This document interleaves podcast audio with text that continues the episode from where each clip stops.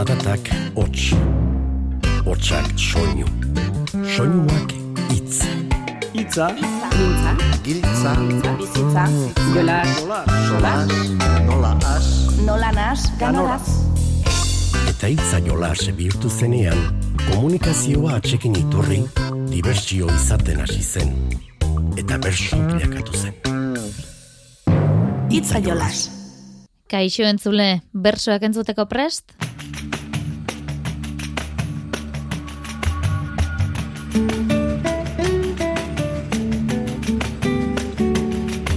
Gaurko saioan, aste arden, abian den, eta amaitu berri den ekimen banaren berri eman nahi dizuegu. Aste arda dakizuenez, Bizkaiko bersolari txapelketa. Udazkenean martxan izango den, hiru txapelketetatik azken aurkeztu eta azken amaituko dena. Jonen arbaizarekin jarri dugu xetasunak jasotzeko itzordua. Lehen pausu eman duen txapelketa xila bada. Joan den larun batean makiako herriko gelan jokatu zen lehen kanporaketa eta bertako bersoaldi batzuk berreskuratzeko asmoz gatoz gaur.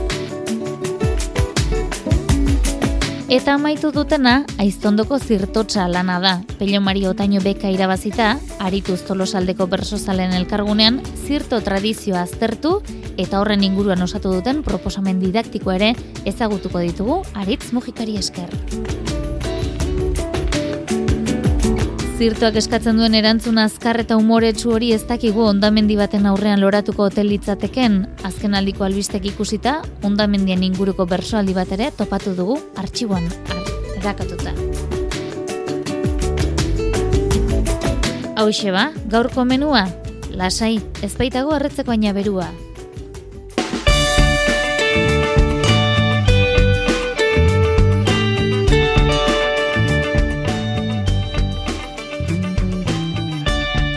Aurkeztu dute bai dagoeneko Bizkaiko bersolari txapelketa eta Aitor Agirrek egindako sintonia hausia izango da datozen asteetan gure bidelagun.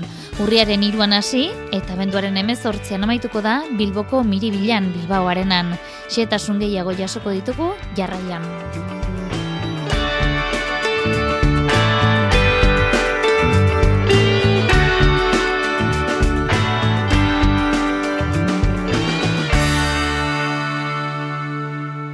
Jonen Arbeiza Bizkaiko Bersozale Elkarteko koordinatzailea eta Bizkaiko txapelketako arduraduna Arratsaldeon Jone.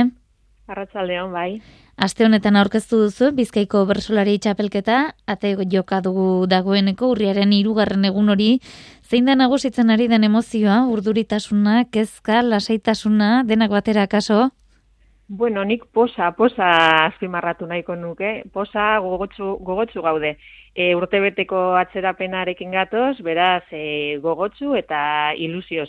E, kezka apur bat ere bai, urduritasun apur bat ere bai, baina emozio positiboak uste dute nagusitzen e, ari zaizkigula bai. Mhm.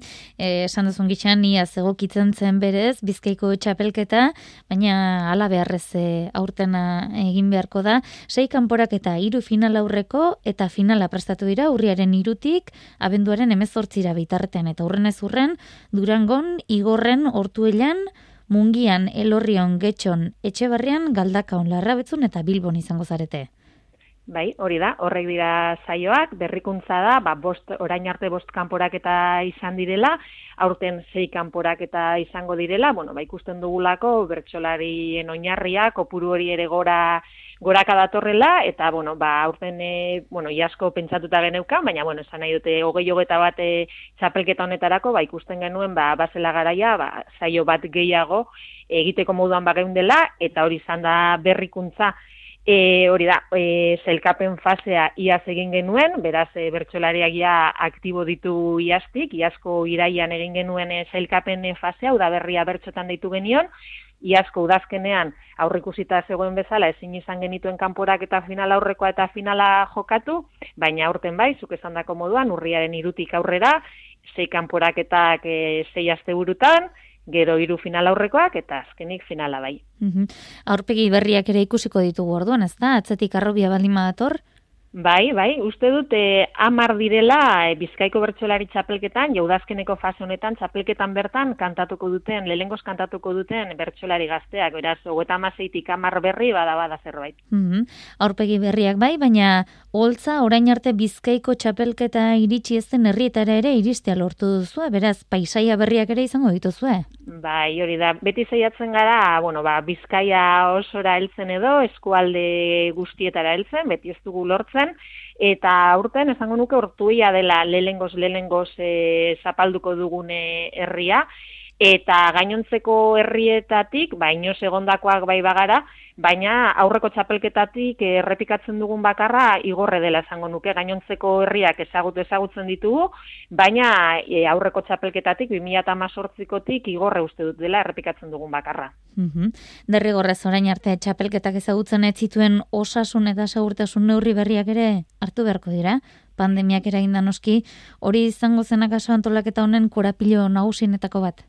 Bai, hori da ardura nagusietako bat, bueno, uste dugu beti eta ia urte terdi honetan, ia urte bi hauetan, e, bueno, nekatu artea zumarratzen duguna da, ba, kultura uste dugula segurua dela, baina zelan ez, segurua izan dadin, ba, beharrezko neurri guztiak hartzen jarraituko dugu, bueno, ba, e, garbitasun neurriak, distantzia neurriak, e, holtza beste modu baten e, zaintzen dugu, a, musukoa behar denetan, eta alde horretatik, bueno, bai eskatzen dieguna bertso salei da, bagara iziristea, ba, azkenean, e, bueno, aforoak mugatuak e, dira, baina gero sarrera irteerak be, modu ordenatuan e, egin behar dira, distantziak e, mantendu behar dira, orduan, bueno, guguraldetik e, aldugun guztia egingo dugu, zelan ez areto bakoitzak eskatzen dizkigu neurriak ere beteko ditugu, eta bertso salei, ba, bueno, ba, gara iziristea eta pazientzia izatea da eskatzen dieguna, eta gainontzekoa nik uste dut bermatuta dagoela. Mm Aurpegi berriak, okaleku berrian, eta guztietara zabaldu nahi duzuen mezu ere, modu berritzailean iritsi dela esan genezak ez da, Bai, bai, bai, hori da, mezua aurten, e, bueno, orain arte, txapelketak beti izaten du bere mezua, e, bueno, komunikazio taldea ibiltzen da buru belarri, bat txapelketa dakoitzarekin zerra dirazi nahi dugun eta lantzen, eta orain arte mezua beti ba, pertsona batek idatzi, idatzi izan du. Aurten aldiz, bueno, ba, pentsatu dugu, aurten zeo zer behar izan badugu, ba, taldearen indarra behar izan dela, beti izaten da beharrezkoa, baina, bueno, ba, aurten bereziki, ba, antolatu, desantolatu, berri antolatu, eta, bueno, horretarako, ba, ba, indarra behar izan dugu gogoa, eta, bueno, taldea ezinbesteko izan da. Mhm. Horregatik aurtengo mezua, e, pertsona konkretu batek beharrean, talde antolatzaileak, talde antolatzailearen izenean e, idatzi du, eta, bueno, uste genuen, ba, aurten bazela, bueno, ba, irudi hori ere emateko, emateko urtea. Mm Ongi iruditzen bali mazaizu, entzun egingo dugu, mezu bai. horren e, puska bat, Bai. Ia, entzuteko Talde lanean egindako mesua da. Tximeletak larban lez egon bagara be, ez da izan beldarrak zintzilik lez lotan edo geldi egon garalako. Indar barriak hartu eta ilusinoak elikatzen egon gara. Urtenbide barriak hausnartzen. Covid luputzarronek tartetxoren bat emoten izan deuskun bakotxean, sarea apurtu, animoak puztu, eta kanpora urteten izan dugu, ilusinoz eta gogoz ganezka. Sarea apurtu, animoak puztu, eta kanpora urten diozue, e, talde lanik ezean nekeza bestela ez da. Hori da, hori da. Lehen aipatutako moduan, azkenean, bueno, ba, egoera honek guri eta, bueno, gainontzeko antolatzaile da nahi seguru, ba, bueno, e, lan bikoitza ez dakit, baina bai kasu batzutan lan bikoitza suposatu digu, bueno, ba, ba adibide moduan, ba, iasko dan, den antolatu behar izan genuen, zaio guztia lotuta zeuden, datak eta bueno, ba, dena desantolatu behar da, berrido antolatu behar da, eta bueno, ba, horrek antolakuntzaldetik e, lan handia suposatzen du, eta beno, ja sortzaien zat, e, imaginatu bereztut nahi egin, ba, zer den e, e, burua nubaiten kokatu, gero atzera atzera ba, e, hori egingo estela jakin, berriro e, burua beste baiten kokatu, baina bueno, ba, mesuan e, adira izan dugu, talde lanean eta gogotsu egon ezkero eta indarra batuta, bueno, ba, lortzen dela, eta, bueno, ba, hori, esan dakoa, gogotsu gaudela, aurten ekiteko. Bersolaria etxean bezala sentiarazte izango da zuen helburua eta horretan lagungarri izango da noski, ba, sintonia eta irudia ere, ezta? E, giroa osatzeko. E, irudiari dagokionez, oial bat e, hautatu duzue Euskarri gisa, ezta? Bai, hori da, e, irudia lankurekin batera landu dugu, malen amenabarrekin batera, komunikazio, gure e, txapelketako komunikazio taldeak landu du, eta beno, irudikatu nahi izan duguna da, ba, oiala edo oinarria berdina izan arren, ba, bide berriak marrastera gatozela, gauza berriak marrastera gatozela, bai txapelketan eta baita plazan be, baina betiko oinarriarekin, eta bueno, hori izan da pizkat e, irudikatu nahi izan duguna bai. Mm -hmm. Sintonia berriz, aitorra bai, egindakoa da, ez da? Bai, hori da, urteak dara matzagu ja aitorra girrekin e, lanean, e, berak egiten dizkigu sintoniak, eta egia esan, oso gustora gaude berarekin eta ustut errez asmatzen dugula edo bueno, beintzat gu posi gaude sintoniarekin ia bertsolarientzako egokia den, ba sarrera sarrera hoietarakota. Mhm. Egutegiari begira jartze besterik etzaigu falta, Jone. Larun bai. bat eta igandetan izango dira saioak, e, pentsatzen dut Nafarroako bertsolari txapelketarekin eta Xilabarekin ongi uztartu dadin egindako ba, antolaketa dela. E, aurrekoetan eurei ere galdetzen genien, ia eraginik izango ote duen e, ba, Xilaba eta Nafarrako txapelketa ere martxan izateak, ikusleen kopuruan akaso, edo eraginik izan dezaken aurre ikusten duzuen? Beno, zuk esan dakoa, ez, saiatu gara, e, badau, badau desaio batzuk, ba, ala beharrez, ba, egun berean e, izango direnak, saiatu gara gutxienez, ba, bueno, baia fase batetik aurrera e, ez daitezen egun e, berean izan, Ba, eragina izango du, baina, bueno, a ber, uste dugu hiru txapelkententzako lekoa dagoela, bertxosaleak egunen batzutan aukeratu beharra izango du, bueno, ba, aukeratu beharko du, eta listo. Horrela zuertatu da, eta, bueno, antolakuntza aldetik ere, guk egingo dugu alik eta egokien e, ba, gure antolak, barne antolakuntza izan nahi dut, ba, eta egokiena izan dadin, eta uste dut, ba, holan suertatu dela, eta horrela egingo dugula e, aurrera, eta ba, pena ba, bertso saleren batek, ba, egunen baten aukeratu beharra izango duelako, baina esan dako, azitarik garrantzitsuenak behintzat edo, ba, libratzen zaiatu gara. Eta bestela esango diogu aukerak eta hori eginagatik, e, uin bidezko jarraipena ere egingo diegula hemen saioei, eta bat, bide batetik ezpada bestetik ere jasako duela informazioa. Hori da, hori da, beti dago aukera. Hori da. E, azken gauza, e, bertaratu nahi duenak, sarrerak eskuratzeko baldintza bakarra zer, sarean hartzea izango da? Bai, beno, berez, e, bertosarrerak.eu satarian e, daude sarrerak salai, bai, e, bai bizkaikoak eta baita beste gainontzeko beste bitzapelketetakoak ere, dagoeneko salgai e, ditugu, e, bai, aurretia sartzea da gomendioa, e, berez e, sarrerak e, aurretiaz denak saltzen ez badira, txarteldegia lauretan zabalduko dugu, hau da zaioak hasi baino ordu bete lehenago, baina esan dakoa, beti ere, e, sarrera denak aurretik agortzen ez badira. Beraz, gure gomendioa, bueno, bizkorri biltzea da, bada ez bada ere. Mm Ba, jonen arbaiza, bizkaiko bersozal elkarteko koordinatzaile eta bizkaiko txapelketako arduraduna. Ia, ondo hasten duzuen txapelketa, eta ingo diogu hemen uinbidezko jarraipena. Eskerrik asko gurean izatearen. Oso, ondo eskerrik asko zuei. Itzaiolaz Euskaderratian. Bizkaiko txapelketaren inguruko berri materakoan, esan digu jonek oial zuria margotzen hasiak direla. Ba, koloreak aipatu dituenez, horrek bidea eman digu beste bersoaldi bat berreskuratzeko. Algortan uztailaren amalauan, musika barrein egin zuten saio mundialean. Izan ere, koloreak izan ziren, aitor sarri eta sustraikolinaren ariketaren ardatz. Baina kolore horiek, berez, nahi gabe egiten duten ohitura batean, espreski txertatu berri zituzten. Entzute utxarekin antzemango duzue, aretoko pantailan emozioak nola aldatzen diren. Bueno, gaur saio berezi bat izan duzue, algortako jaialdi mundiala, eta demagun kotxean zabetela dagoeneko elkarrekin etxera bueltan kotxe berean. Olakoetan normalean saioa komentatzen da, edo saioaren inguruko sentsazioak ateratzen dira, eta segun norbera nola ibili den, ostean egindako komentarioek baldintzatzen dute elkarrizketa hori. Gaur guk baldintza bat gehiago jarriko dizuegu eta koloreek baldintzatuko dute zuen elkarrizketa, zuen saio osteko komentario hori.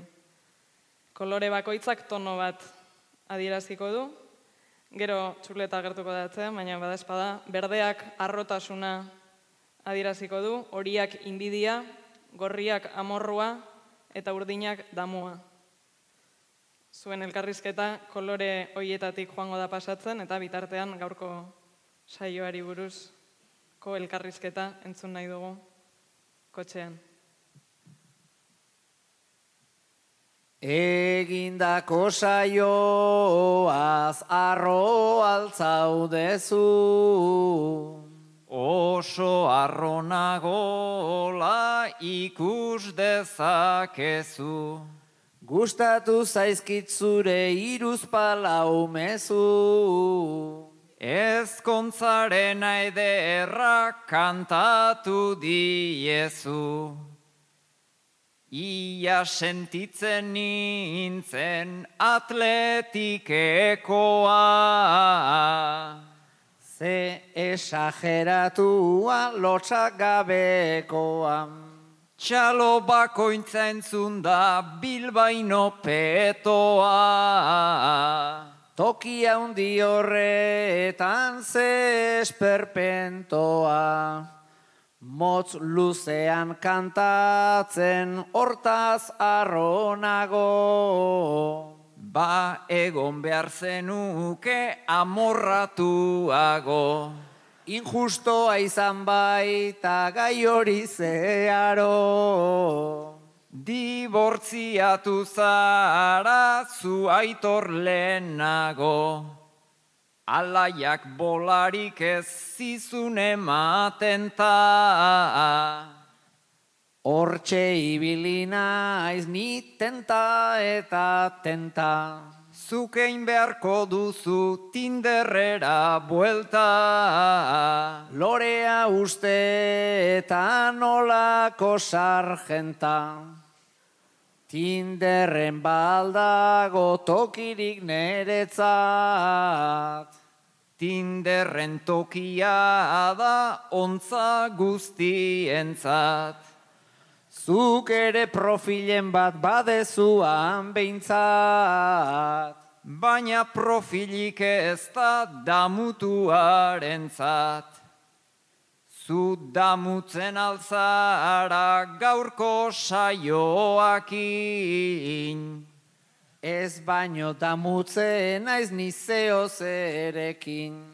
Total ez etorrita zalgeundeken berdin. Algorta esan nahi eta asigetxorekin. Lehenengo agurretik hasi baina izoker. Neguri ez duzue esan ta esan bazenu zer. Hortik aurrera ia ajola ez ezer. Bukatzeko gutxi inez esazu mil esker. Bestela ez dizute inoiz barkatuko. Esana esana dago damututa punton. Ta inbidia etzaie inoiz pasatuko.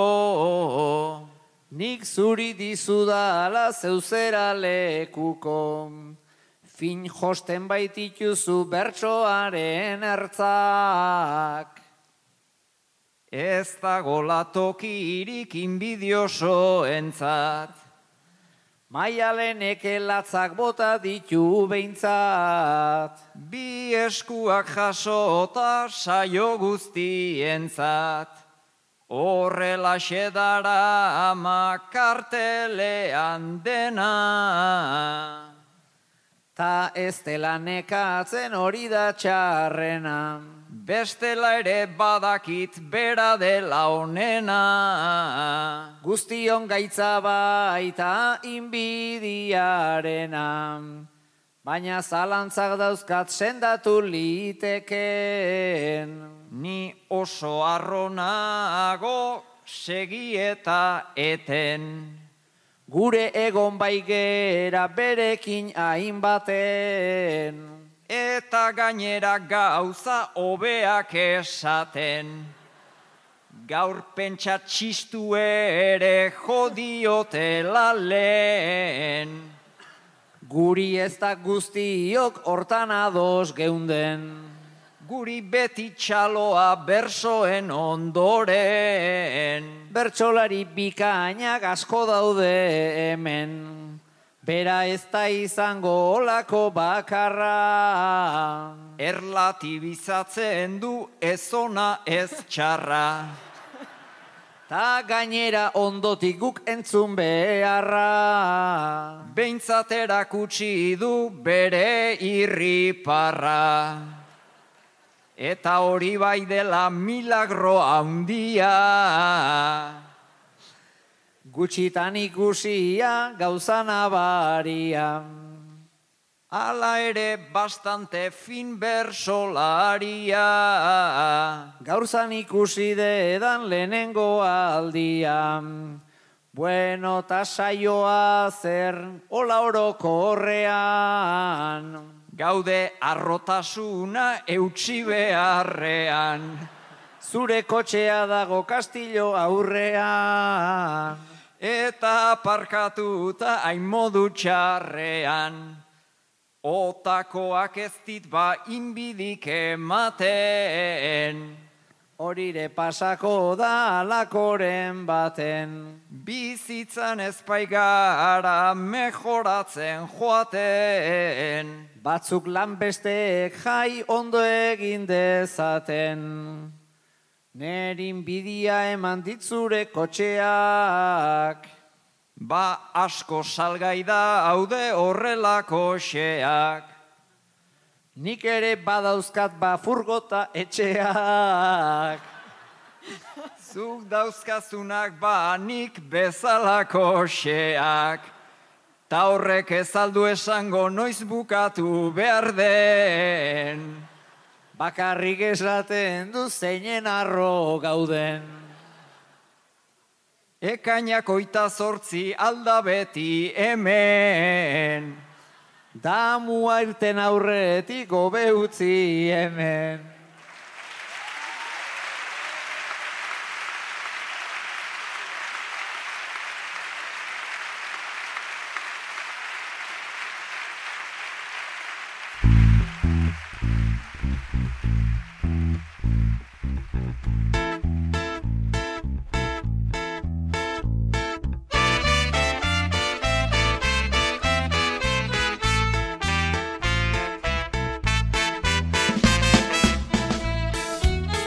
Ekin dio bere bideari xila bat txapelketak makean izan da lehen kanporaketa eta maian etxoperena izan da garaile. Oholtzakide, Carlos Aizpurua, Irati Alkantarila, Gilen Iribarren Oierrurreizti eta Mizel Mateo izan zituen. Makeako herriko gelan egindako saioan, lauren da hogeita bi koma bost puntu batu eta zuzenean sailkatu da urrengo fasean maulen kantatzeko. Atzetik urren ez urren, irati alkantarila, gilen iribarren, Carlos Aizpurua, Mizel Mateo eta Oier urreizti sailkatu ziren. Hau duzu esaterako irati alkantarilak botatako hasierako agurra. Berriro ere, holtza gainean, gure gorputz gure ahots. Basoa euskaraz aldarrikatzen, segi beharko oraingoz. Iltoki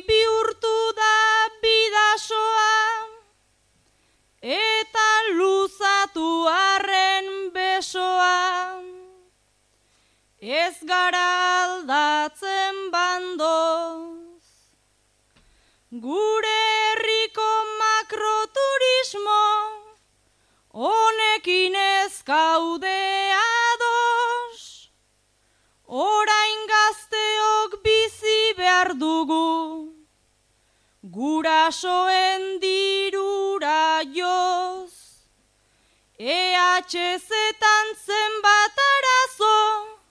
egon baitziren zenbait eraso, sufrimentua dinapoz, dena esatera gato. Irati alkantarilak Miseol Mateorekin zortziko txikian egindako jarduna ere entzun behar dugu. Argentinarako bidaia baten inguruan iaia nola moldatzen diren. Irati, orain dela bi urte agentzia bidez erosi zinuen Argentinarako bidaia ez estatua izan zen. Gaur, Misel agentziako arduradunak deitu zaitu eta bidai virtuala egitea proposatu. Irati asita, iruna bertso, zortziko tipian. Dirua galdu nuen tani atakean Eta deikasi zait orain jotakean Ados bai egingo dutez nere kaltean. Gora bera ibiltzen den aulki batean. Gora bera ibiltzen den aulki batean.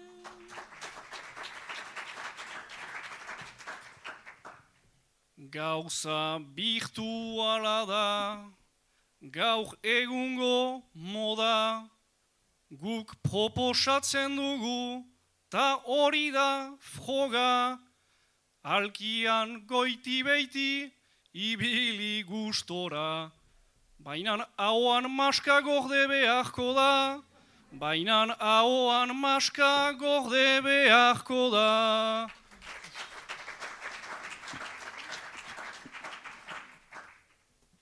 Argentina aldera nolako bisita Eta raronekin egingo dut zita. Ados onartzen dizut dena ikusita.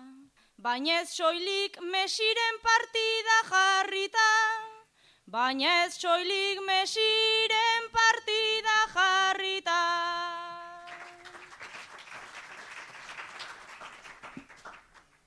Lasai egonen zira, etxean lori lori, ta ez duzu eginen hainbeste histori, jende batzuek trata zaitzaten hain ongi, ta eginen dizkizute azado bat edo bi, ta einen dizkizute azado bat edo bi.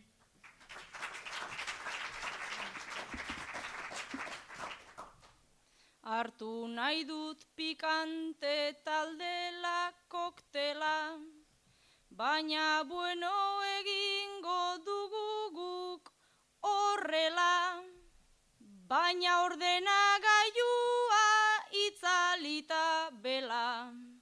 Esan nahi du egazkina erori egin dela, esan nahi du egazkina erori egin dela.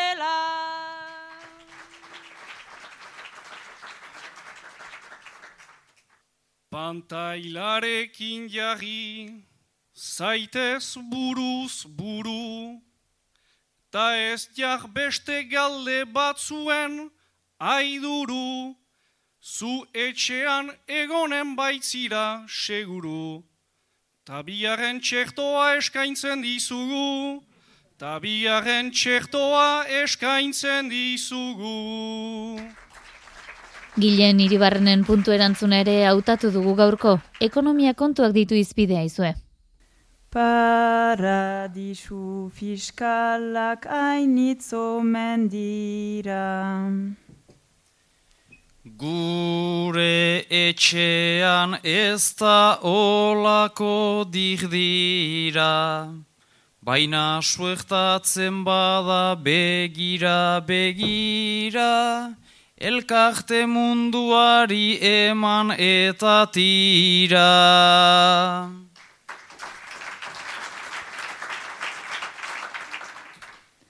Zenbat aberastasun daukazu gordeta.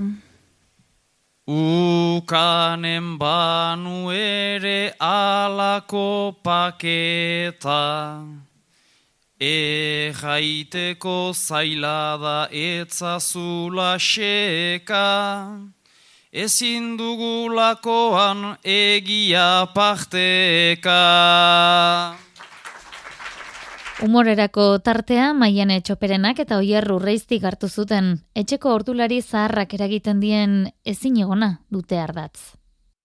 Maiane eta oier elkarrekin bizizarete. Etxea bezain zaharra den ordulari bat bada bertan. Tik-tak entzuten da etxe osoan. Maiane ezin jasana zaizu. Oier zuri ez. Lehen etzitzaidana egin hain arraro, orain tik-tak, tik-tak, tik, nazkatutanago.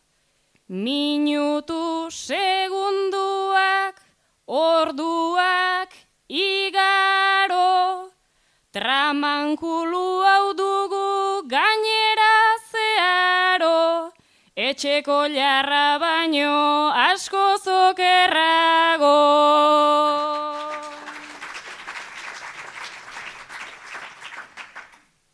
Bainan nik maitatzen dut, oila jaikin ara, eta hainbeste pauso, emana du jada. Gurekin pasatu du azkengo bolada, eta zuk egana da, kristoren oskada, hau gure bizitzaren metronomoa da.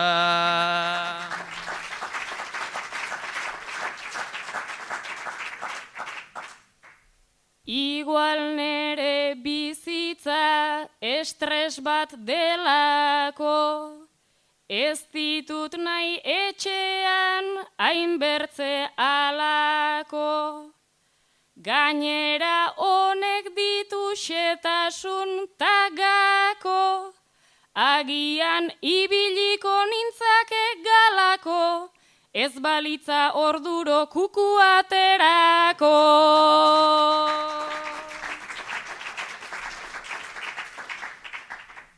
Eta kuku horrek dit, eni gaua puztu, eta atxikitzeko iten dut apustu. Ez da araiz egonen oino luzaz mutu, bera ustearekin nindaike damutu, berak bederen iten dauku gurikuku. Kuku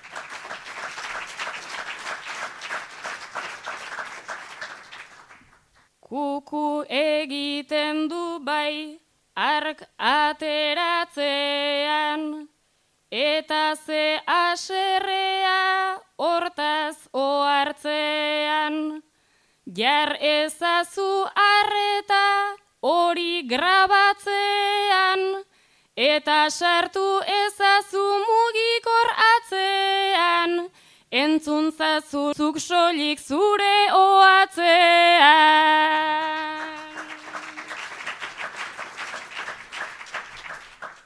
Ados eta gauero inendakot musu, bera baitut oraino bizitzaren pulsu, eta gure artekoak aula hartuzun su, eta auge segi behar pausuz pausu.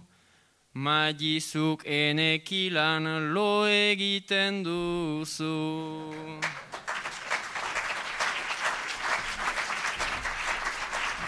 Bakarkako jardunean, Gile Miribarrenen puntuak entzun ditugu, baina maian etxoperenak beste guera honetan abestu behar izan zuen. Familiako kideekin eskurutzatzeko ahaleginak egin ohi dituzu. Baina gaur, ezin izan duzu gombidapenari ezetza eman. Gurasoekin beti borrokan, zenbat kezka, zenbat traba, ez dute onartu nineu naizena, eta nere begirada. Baina mezu bat mugikorrean, aizuetorriko altzara. altzara. Arnasa hartuta joateko, gaur bai hartu dut parada. Noiz bait aurkeztu beharko nien nere lehenengo alaba.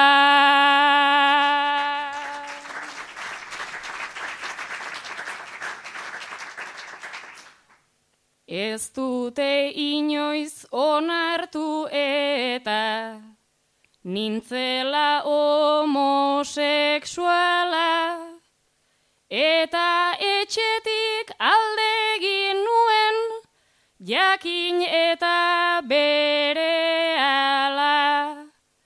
Nere bizitza egin dut gero, badaukat eta azala.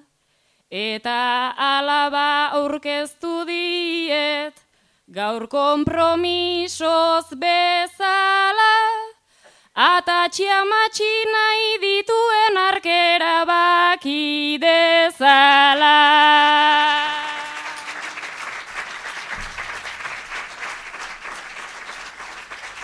Xilabako bersulari txapelketaren bigarren kanporaketa urrengo larun batean ospatuko da, muskildiko posonposenean arratsaldeko bostetan.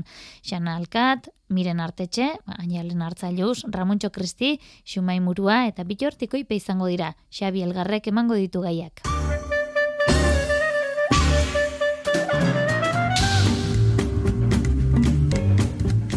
Urretxotik jaso dugu gure bederatziko aiguntze asegin olazak onela eserantzun dio miren argoniesek bidelitako puntuari.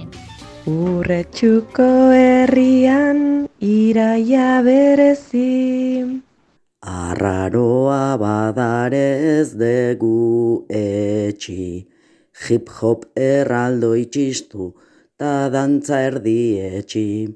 Aurreko urteekin nahiko diferentzi. Kalean gabezi, amaika harresi, guztia pazientzi, gehienak iesi, karrozarik angabe sinetxi, euskal jairik angabe ez du merezi. Bueno, ba, nerea bota ondoren, puntua nerea gabirondori bialduko diot, bertso zale amorratua da eta ea zemuz moldatzen dan behatzi puntuakin. Animo nerea! Ikasturte berriak ze itxura dauka. Nerea gabirondoren ardura izango da bada, bederatzikoaren sokari jarraipena ematea.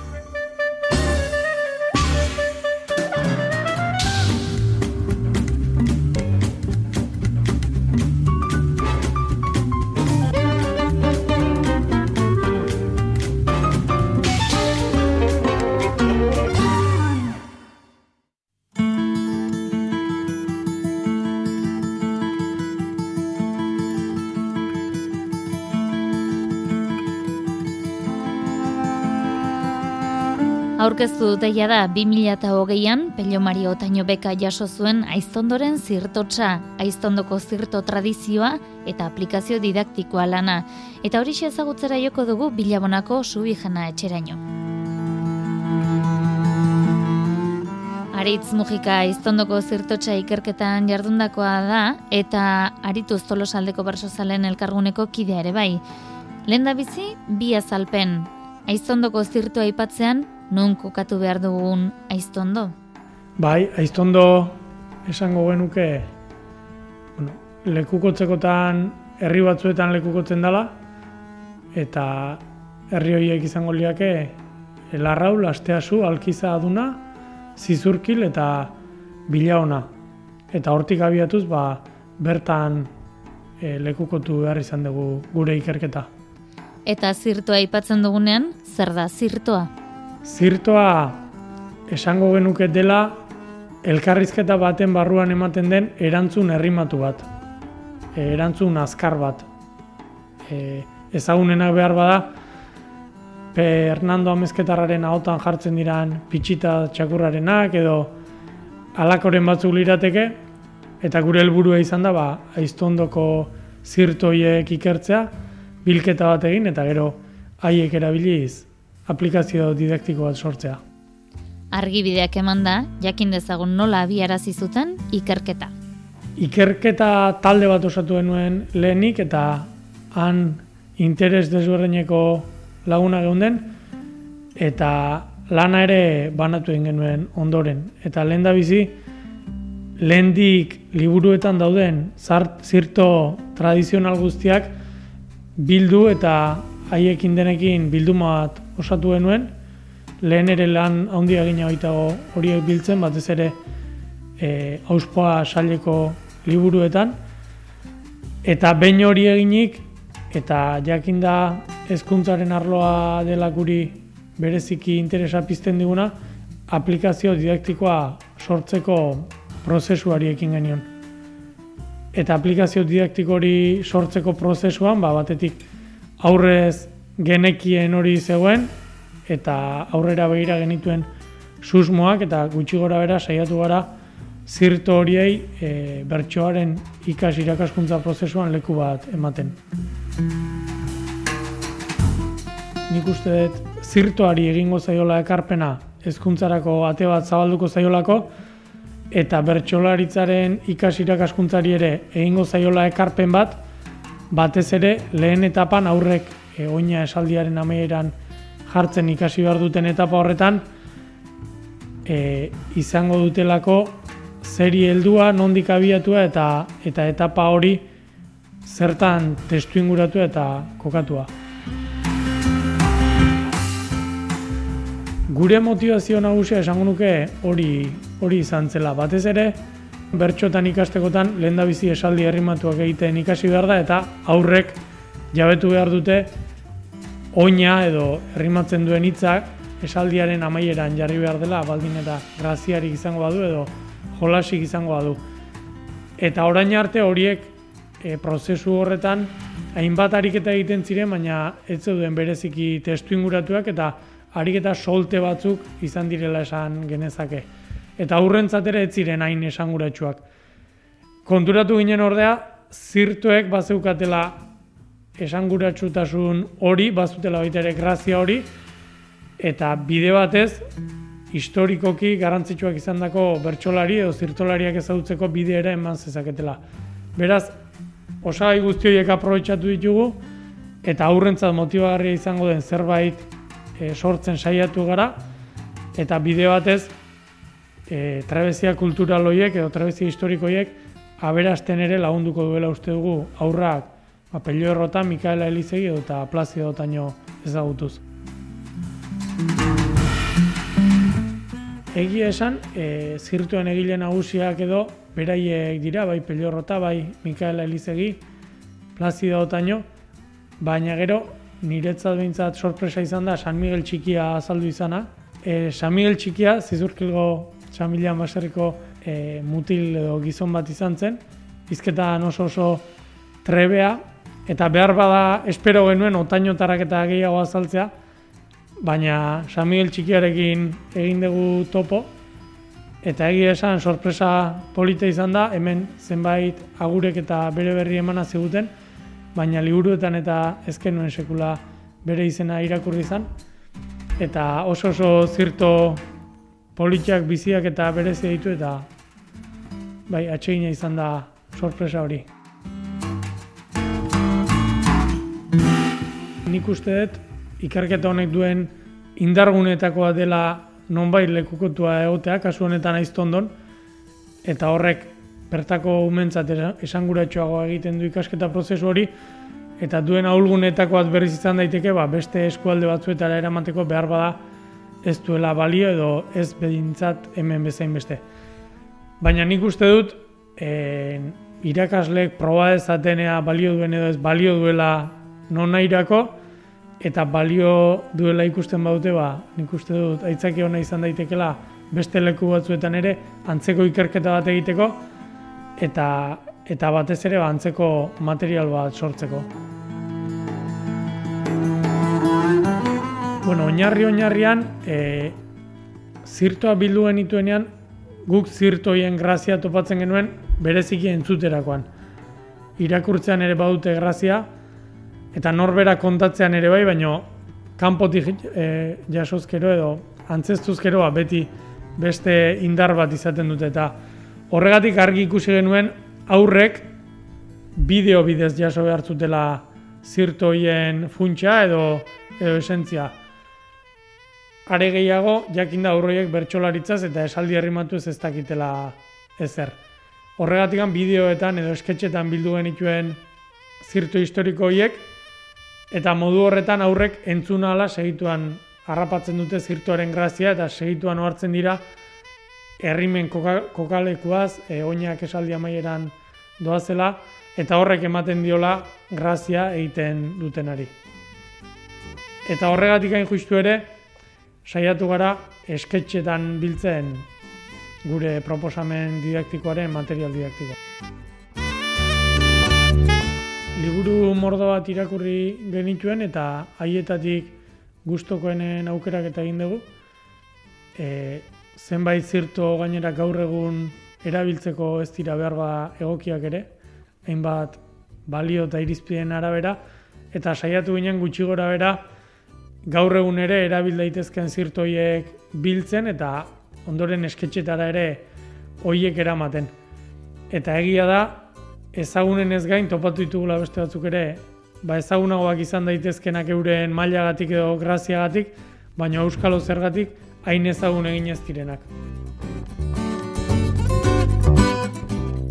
Bueno, gure ikerketa taldea nahiko ambizioso edo izan zen alde horretatik eta eta material didaktikoa sortzeaz gain probatu ere egin nahi izan genuen. Horretarako Amaiagirre hezkuntzarautuko irakaslearen laguntza izan genuen eta berak bilagonako zuimuixu ikastetxean, ikastola e, kilometroak antolatu zituen ikastolan bertan, martxan jarri zuen unitate didaktiko hau, grabatu ere egin zuen e, bere funtzionamendua eta egia esan emaitza oso oso positibo izan zen eta eta amaiak berak ba, zenbait gako eman zizkigun guri ere ba, unitate didaktiko hori hobetzeko eta aurten gure asmoa da edo bueno, elkartetik ere pixka bat bultzako da ba, bertsolaritzaren irakaskuntzaren hasieran ba, zirtuari lotutako zatiren bat edo beste sartzea eta esaldi herrimatuak egiten ikasterako garaian zirtua erabiltzea aitzakiatzat. Topa daiteke material hori, batetik bertsoeskola.eusen eta bestetik bertsoikasgela.eusen eta bai unitate didaktikoa eta bai e, material didaktikoa, esketxak, bideoak eta guzti hori erabilgarria da nornairentzat eta eta egia da batetik e, bertsoaren teknika lantzeko balio izan dezakela, baina bestetik balio izan dezakela ere e, bertsolaritzaren historia edo bai ondare hori lantzeko eta ezagutzeko ere eta behar ba bertxotan dakien jende askok ere ez ditu ezagutuko bertan dauden zirtuak eta protagonistak eta nik uste dut merezi duela bideoak ikusi eta eta zirtoiek entzuteak ba ondorengoei kontatzeko ere edo norberak goza dezan. Aritz Mujikak aiztondoko zirtotsa ikerketan jardun duenak eta tolosaldeko arituz bersozalen elkarguneko kideak eman dizkigu xetasun guzti hauek. Esan bezala ikerketa honen ondorio sortutako unitate didaktikoa eskuratu nahi duenak bertsoeskola.eusen edo eta bertsoikasgela.eusen topatuko du. Itzaiolaz Euskaderratian. Bertxopedia. Artxibotik tiraka. Gaurko hitza. Onda mendia. Ondamendi naturalen irudiak munduko txoko ezberdinetatik jaso ditugu azken aldian. Eta zuk, oinarrizkoen hartzeko etxera sartzeko aukera izan ezkero, pentsatu alduzu zer hartuko zenuken. Mila bederatziun da lauro geita amarreko ekainaren hogeian, elgoi barren, Angel Mari Peñagarikanok onela ese bete zuen noeren arka. Bueno, aspaldian, hainbeste komedia ikusten dugu eta ez dakit, kontu egin ezak, Angel Mari, Noea izela. Etzekiagu urrengo dilubioa zerezkoa izango degun, edo harri erantzizkoa, edo nuklear estanda bat, edo zer izango dugun. Guztioadek gauzarik premiazkoenak, gauzarik beharrezkoenak, edo ik gogokoen dituenak, dituanak, gordetzea eta jasotzea komeniko dala ire, arka edo txalupa horretan. Esaiguk zer?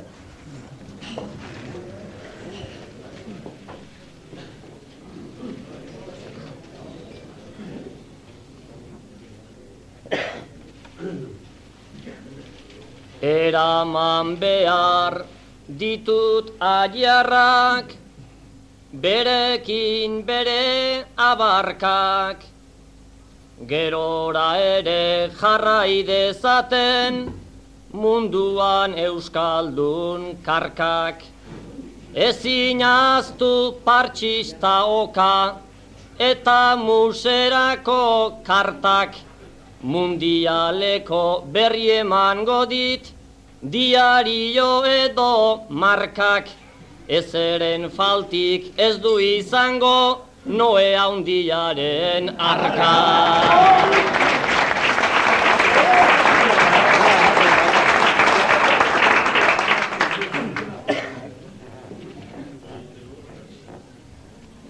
Ni izango naiz mundu osoaren salbatzaile eta eroe.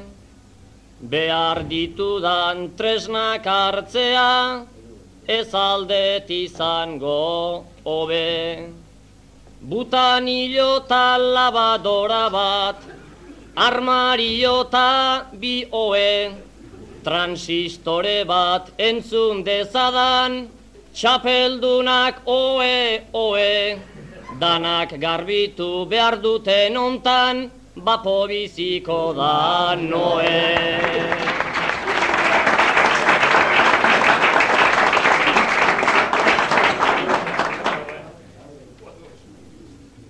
Nik jan edariz bete-betea, naidet frigorifikoa, potean sartu zeberiota, onto beltz autentikoa. Sebastianen meloiak berriz, beteko dit lapikoa, mainurik endu iztar puskata, egin urdaiaz pikoa, luzarorako bagaude ere, janabadegu nahikoa.